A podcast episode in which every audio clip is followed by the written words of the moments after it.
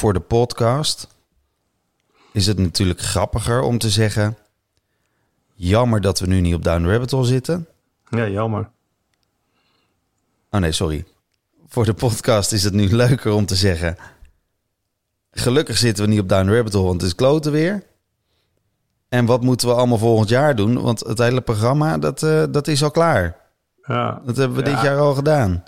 Zeker met dit weer was ik daar geen drie dagen gaan zitten. Ja, hoewel, nou, misschien ook niet. Ja, ik, eh, nou, weet je wat, we beginnen gewoon.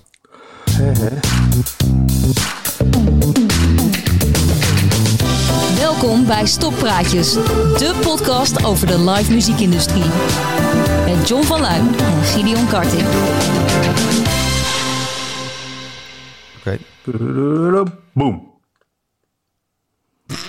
doe het nog eens. Ja, boom. We beginnen opnieuw. Ja, nou, doe je ding. Eh, ja, nou ja, goed. Eerst wat opviel natuurlijk. Het is natuurlijk hartstikke dicht bij huis. Eh, vorige week eh, bericht in het AD over eh 013. Reorganisatie, verlies van x aantal arbeidsplaatsen. Toen zei ik nog met mijn stoere hoofd, dat zal bij ons niet gebeuren. Nou, dat zeg ik nog steeds. Althans voor het eind van het jaar. Maar in de tussentijd is bij Paradiso de buurman... is wel de reorganisatie ingezet. En eh, ja, dat scheelt toch eh, 60 mensen... die daar ongetwijfeld eh, goed ziek van zullen zijn. Ja, echt, het slagveld is wel geopend. Hè? Ik bedoel, we hadden het inderdaad over. Maar je ziet nu ook in, in de rest van de wereld overigens... zie je wel de, ja, de reorganisaties en de, ja, toch de, de inkrimpingen. Volgens mij de Q-Factory, daar eh, zijn er weer, zijn ook alweer wat eh, berichten over... dat die eh, wat mensen moeten laten gaan. En volgens mij is het nu een, alsof het regent. Ja, nou goed, en hier heb je natuurlijk ook eh, Echo en de Helling in Utrecht. eh, die, die, stonden er meteen al heel slecht op. eh, althans, zo, zo gaf Marlies Timmermans, de directrice van Echo, al vrij snel aan. Van ik heb een slagadelijke bloeding en de theedoeken zijn op. En nou, dat, ja. dat meldden ze mij al in april. Ja. Ja, het, het valt nu echt om. Maar des te opmerkelijker vond ik het bericht van paar Engelse muzieksterren. Te weten, uit mijn hoofd zeg ik Eric Clapton, Paul McCartney. En nog een paar eh, jongens van dat kaliber. Liam Gallagher, eh, Ed Sheeran. Die hebben opgeroepen tot eh, steun, massale steun aan het Engelse livecircuit. Ja, dat, is, ja dat, is, en dat is eigenlijk hetzelfde als wat liefde voor de muziek in Nederland was of is. Ehm, waarbij inderdaad iedereen, het zijn niet alleen de artiesten, maar ook de agenten en de zalen. En dus echt de hele ehm, nou ja, Engelse muziekbusiness. En we weten dat de Engelse muziekbusiness niet alleen tot Engeland behoort, maar eigenlijk wereldwijd gaat. En die, ja, die vragen inderdaad om steun bij, eh, bij de overheid. Ja, dat is natuurlijk wel, als je het vergelijkt met de liefde voor muziek, wel een, een tikkie, eh, ja, wel een tikje heftiger natuurlijk. Daarnaast hebben ze drie eisen ehm, gesteld die ik een beetje onzinnig vind. Tenminste, twee van de drie vind ik een beetje onzinnig. eh. dat is namelijk ehm, eh, dat ze meer geld moeten krijgen van de overheid. Nou, ben ik mee eens. Helemaal goed. Het tweede punt is dat de B2 op eh, tickets naar 0% eh, zou moeten. Ik denk dan, we verkopen in principe niet zo heel veel kaarten op dit moment. Dus wat schiet je daarmee op? Sowieso vraag ik me af wat je daarmee opschiet. En puntje drie is... ehm,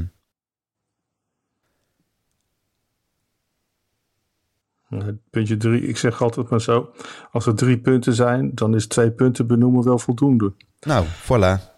Eh, wa- wat ik mij afvroeg, eh, even, er werd ook een bedrag genoemd. Dat eh, de Britse muziekindustrie per jaar zo'n 5 miljard eh, omzet. 50, volgens Ja, mij. er stond 5. Ja, ik dacht ook, dat vind ik nog niet eens zoveel. Maar ik dacht bij mezelf wel van, ik, ik zie die namen staan van die artiesten. Ik denk, ja, Engeland heeft natuurlijk een rijk eh, muziekverleden. Er is een hoop, heel veel geld binnengekomen. Eh, pak nou voor de grap is de 100 meest vermogende Britse popsterren. Laat die alle 100 is 10% van hun vermogen eh, doneren. Dat doet ze geen cent pijn. En het livecircuit is gegarandeerd nog twee jaar beschikbaar. Ja, het probleem is alleen dat, dat, ja, dat die grote artiesten het niet echt nodig hebben. Bedoel, die kunnen gewoon wel spelen hoor. Bedoel, er is geen enkel grasveld wat failliet is nu. Nee, maar goed, het, kijk, als zij daarom nu om roepen, dan zou ik zeggen, nou, doe er ook iets met daden mee. Want kijk, dat, dat, dat werd hier ook gesteld. Uh, mijn favoriete band Kensington werd weer als voorbeeld genoemd. Uh, ja, er moeten ook podia zijn die zo'n onbekend bandje voor het eerst laten spelen. Uh, ook, ook Eric Clapton, ook Liam Gallagher, ze zijn allemaal een keer begonnen als klein klote bandje ergens in een suffe pub achter in de hoek waar de eigenaar zegt daar is het stopcontact in, zoekt het verder maar uit. En als die locaties er niet meer zijn, dan hebben we in de toekomst ook geen grote Liam Gallagher's of Eric Clapton's meer. Nou ja, dat, nou heel naïef. Nou dat, nou, dat vraag ik me dus even af. Even advocaat van de duivel. Zijn mensen met talent gebaat bij kleine plekken waar ze kunnen floreren? Of zou het toch, toch al in hebben gezeten? Door, en dan zeg het laatste, ongetwijfeld het laatste.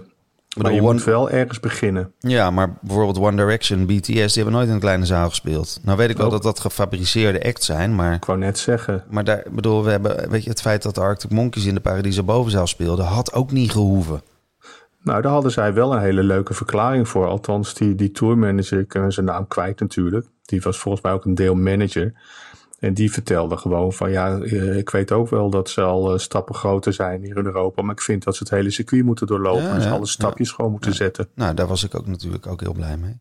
Ja, heel, maar ook een hele gezonde insteek. Ja, klopt. Ja, kilometers maken zeggen we dan. Ja, kilometer, vlieguren. maar dat geldt voor alles. Ik bedoel, eh, kijk, kijk, ook die dansjongens, die maken producties thuis, verkopen heel veel, heel veel streams misschien. En als ze dan gaan optreden, misschien staan ze meteen in zo'n heel groot veld. Maar het is toch altijd beter als je eens in een klein zaaltje hebt gestaan. En je hebt bijvoorbeeld als IDM'er eerst uh, juichles gehad. Ja. dat je een beetje weet hoe je moet springen achter uh, zo'n DJ-boot. Want je hoeft daar natuurlijk niks aan te raken. En je moet wel het publiek enthousiasmeren. En dat lukt je niet alleen maar met CO2-kanonnen en uh, een hoop rook. Misschien in een karaokebar. In de karaokebar? Nou, dat brengt me tot het volgende, joh.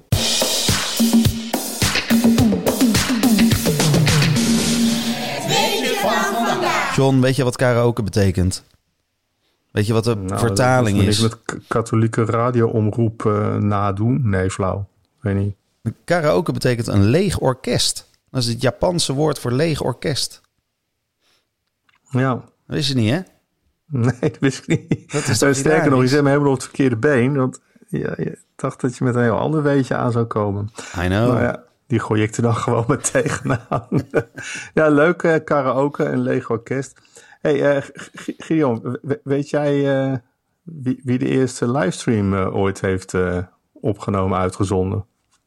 Um, bedoel je een of andere cynicus die tot op de dag van vandaag zijn vraagteken zet bij livestreams? Ik wil het niet de hele tijd over... Welke band dat was? Ja, dat was de band Live. Live? Ja, wat ook live, wel grappig is. een livestream. Ja, ja, ja. Ja, in Rotterdam was dat. Ja, er was live, publiek live. bij ook. Ja, er was publiek bij. Niet heel veel, omdat het... Uh, ja, we, moesten dat eigenlijk... Ik moet het even beter vertellen. In Rotown uh, hadden wij in, in samenwerking met uh, Universal en World Online... Ken je ze nog? Ja, die is die SM, mevrouw. Het zijn jouw woorden.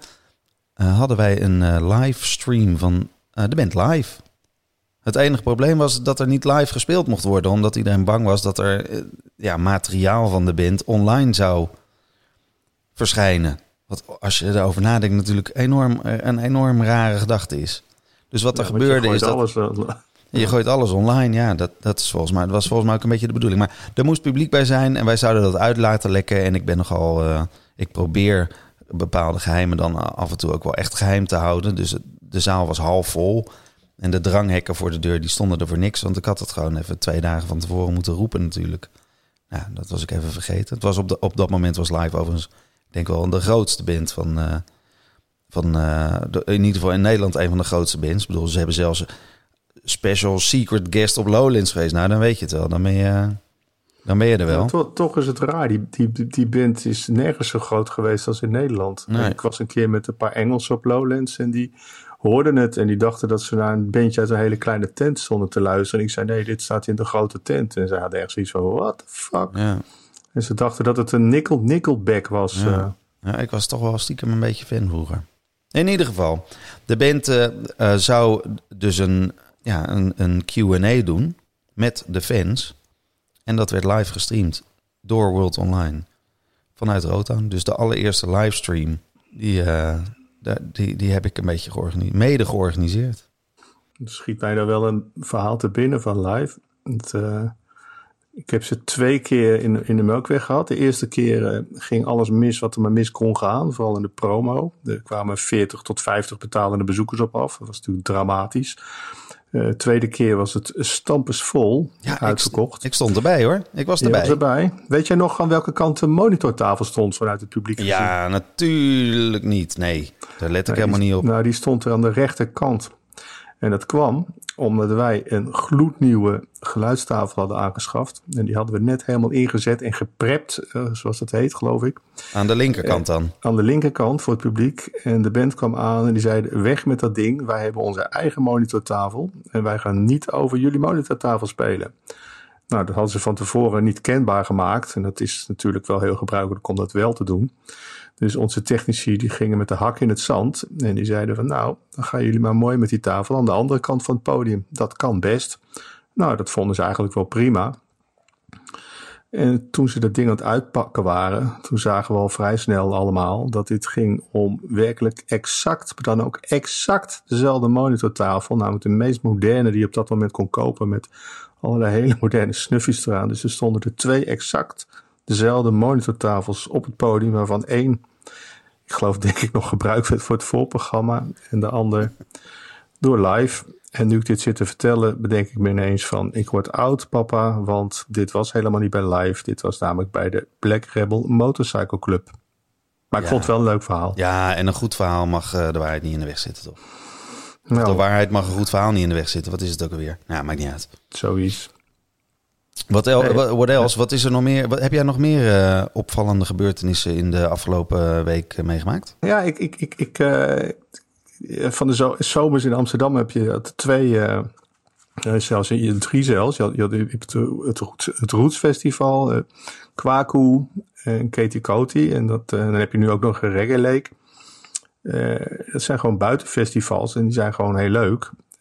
maar voor ons als podium Melkweg ja, is het nou ja, ook prima hoor. Ik bedoel, heb er nooit om geklaagd. Maar ja, een reggae-artiest boeken voor ons is, tamelijk onmogelijk. Want dat gaat gewoon dan naar Kwaku. Maar ja, en wat je eigenlijk probeert te zeggen is dat Katie Festival, hè, ook al is het natuurlijk, is natuurlijk een heel belangrijk festival, maar het, het lijkt aan de achterkant een beetje op een houtje-touwtje festival. Ja, maar dat, dat, dat, dat hoort ook een beetje bij die cultuur, denk ik. En ik denk dat we dat ook niet moeten veroordelen en daar, daar ook gewoon eerlijk in nou, ik zijn. denk, weet je, misschien bedoel je ook wel te zeggen, of anders bedoel ik dat, dat het, hè, als, we, als we kijken naar hoe zij bijvoorbeeld met contracten omgaan, als je er even simpel over nadenkt, zou, ik zou dat ook wel weer willen. Gewoon terug, ja. Aan de ene kant wordt er heel hard geroepen om contracten, hè? ook daar wel. Maar in de praktijk heb ik het gevoel dat die dingen gewoon al lang in de versnipperaar liggen op het moment dat je het trein opkomt. Ik heb niet het idee dat er uh, bij ons in, in de muziekindustrie, in de live muziekindustrie, dat er iemand dit jaar door corona aan een contract is gehouden. Nee, maar dat doe je sowieso al nooit. Ik, ik vind het de hele. Een van de redenen waarom ik ook in deze business ben gaan werken, is omdat ik dacht dat ik een beetje uh, buiten de samenleving, buiten het gevestigde orde uh, mijn werk kon uitoefenen. En advocaten en, en, en, Amerikanen die zijn bezig met contracten, maar, maar wij toch niet. En, nou, en daar dus ook niet. Eh, althans, in de praktijk niet. Je krijgt gewoon lekker eten wat, wat mama staat te maken. Klinkt heel cliché, weet ik allemaal wel, maar het is gewoon zo. En het eten is gewoon wel fucking lekker. En niemand gaat er naar een rijden kijken van, oh, heb je dat erop staan? Daar is je eten, daar is je drinken. Ja, het zou fijn zijn als wij dat ook weer eh, een beetje kunnen introduceren. Misschien komt dat wel een beetje door die corona. Want er zijn, en dat, daar hoeven we niet over te liegen, er zijn aardig wat discussies uh, over en weer tussen Amerika, Europa, over contracten. Dat hebben we een paar weken geleden al vastgesteld. En de vraag is inderdaad, doen we dat allemaal een beetje voor Jan met korte achternaam? Want in die end zijn we natuurlijk ook gewoon handjeklap aan het bestieren. Ja, natuurlijk. Nee, ik, ik, stel, ik stel voor in zijn algemeenheid, uh, helemaal los van dat Katie Coty, ook uh, met die BTW oproepen, hoog of laag, wat zal het allemaal? Laten we gewoon ons solidair uh, stellen met de hele huidige samenleving en we gaan alle betalingen vanaf nu gewoon zwart doen. Het slachtoffer van de week.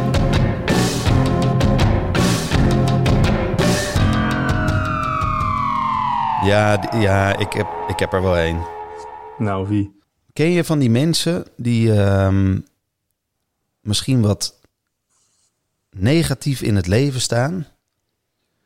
Die de hele muziekbusiness met een eh, schuin oog aankijken.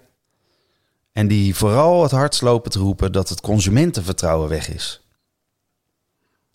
Nou ja, consumentenvertrouwen vind ik een raar woord. Maar die mensen die jij omschrijft, ken ik wel. Ja, nou, dat zijn echt dat zijn slachtoffers van de week. Want, eh, en dat zou bijna ook een weetje van de dag kunnen zijn. Ik heb eh, gisteren een, een show in de verkoop gegooid. In de AFAS in april 2021. Het beentje 5 Seconds of Summer. Binnen een uur 6000 kaarten verkocht. Het consumentenvertrouwen is gewoon nooit weg geweest. En eh, ben jij wel zo slim geweest om die kaarten te verkopen exclusief aan mensen onder de 18? Nee, nog niet. Maar dat zien we dan wel. Kom wel goed. Kan- Kan je doorselecteren, hè? want eh, dat is natuurlijk wel hartstikke in gang gezet deze week. eh. dus de, de evenementen, concerten, dansavondjes organiseren voor mensen onder de 18. Eh, Iedereen duikt daarop. Het is heel grappig om dat te zien. Ja, Ik bedoel, een feestje wat toevallig bij ons zat, en wil iedereen nou wel huisvesten. Ja terwijl... je hebt het gewoon over, over duizend kinderen die, die, drie, die drie sinaas eh, drinken en, en, en za- zaalhuur betalen van een paar honderd euro. En je hebt eigenlijk helemaal, helemaal niks. Nee, het is gewoon en de- vulling. En als je dan kijkt naar de, de, naar de kleine lettertjes in de, in de regels, de coronaregels van de overheid, dan staat er ook gewoon heel groot dat je geen evenementen mag organiseren in de culturele sector of in de sport. Nou, tot 1 september, ja. Ja, dus sowieso tot 1 september kunnen we onder de 18 niks doen. Ja, prima. Maar ik, ja, ik in dit kader gezien, eh, zag je de directrice van, eh van Carré op tv, die wat mij betreft ook het slachtoffer van de week kan noemen. Want ja, die staat daar dan in de zomerjurkje te stralen. Dat, dat Carré, het mooiste zaaltje van Nederland, we kunnen weer open. En echt gewoon daar ook geen enkele kanttekening bij plaatst. Ja, 450 man. Nou, ze doet alsof ze daar dik en dik tevreden mee is. Eh, geen enkele compassie, empathie met, met de rest van haar eigen culturele circuit. Van, dat is natuurlijk namelijk grote bullshit dat we weer open kunnen. Eh, dus je staat daar gewoon eh, een beetje mooi weer te spelen, omdat jij daar toevallig in een financieel prima situatie zit en voor jou geldt al die ellende niet. Omdat je een exclusief koninklijk theater hebt, maar ja, zij, je zou toch diep en diep moeten gaan schamen als je dat soort taal op de televisie uits- uitspreekt. En waarschijnlijk ook zonder enige ironie of, of ik, ik denk dat ze werkelijk niet beseft wat, wat, hoe confronterend het moet zijn voor bijvoorbeeld eh, iemand als Marlies in Utrecht, directrice van Echo, die gewoon, ik zei net dat het, water staat aan de lippen, weet je wel. Je, je moet bijna je tent dichtgooien. En dan staat er daar zo'n iemand die bij Unilever eh, blijkbaar niet meer nodig was. Die staat er gewoon te verkondigen hoe fantastisch het is dat we weer open kunnen. Terwijl, krijg er echt terwijl, eh, de, eh, terwijl de rest van de zalen op dat moment aankondigen dat ze moeten gaan reorganiseren. Ja, Ja, ik vind het best schandalig. En, en kijk, kijk, en dat, dat, dat die mevrouw van de televisie daar geen enkele kritische vraag over stelt. Nou ja, dat is dan haar gebrek. Maar ja, ik, ik vind het, ik, ik mag toch hopen dat, eh, dat, dat een, zeker de nationale tv dit, dit soort drek gewoon niet meer over ons uit wil smeren. Want ik, ik, ik werd daar echt heel boos over. Echt. En dan ben ik meteen geneigd om te gaan op te zoeken hoe het allemaal, hoe de financiële shit ook weer zit daar bij Carré met die restauratiebijdragen en dat soort. Maar, maar dat wil ik er eigenlijk niet eens bijhalen. Voor mij apart verdient dat mensen een paar ton per jaar. Interesseert me geen reet, maar ze moeten dat soort shit gewoon niet zeggen.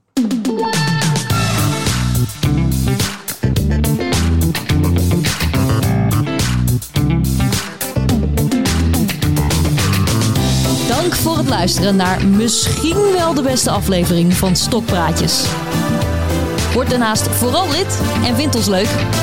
Tot de volgende.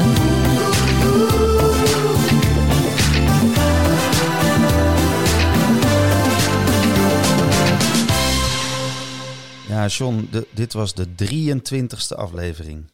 Nou ja, jij, jij geeft ze een cijfertje als je ze mij opstuurt. En bij die van vorige week stond de stokpraatjes 24. Ja, we hebben er een paar moeten schrappen, omdat... eh, Nou, dat met die Sigheil aflevering. Mm, Ja, er zaten een paar dingen in, die, eh, een paar afleveringen die, die ook afgekeurd zijn door gasten.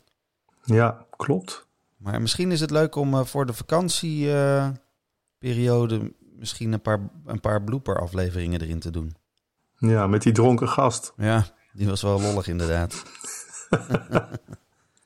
Als die zich nog meldt eh, voor eh, volgende week, dan eh, halen we hem eruit.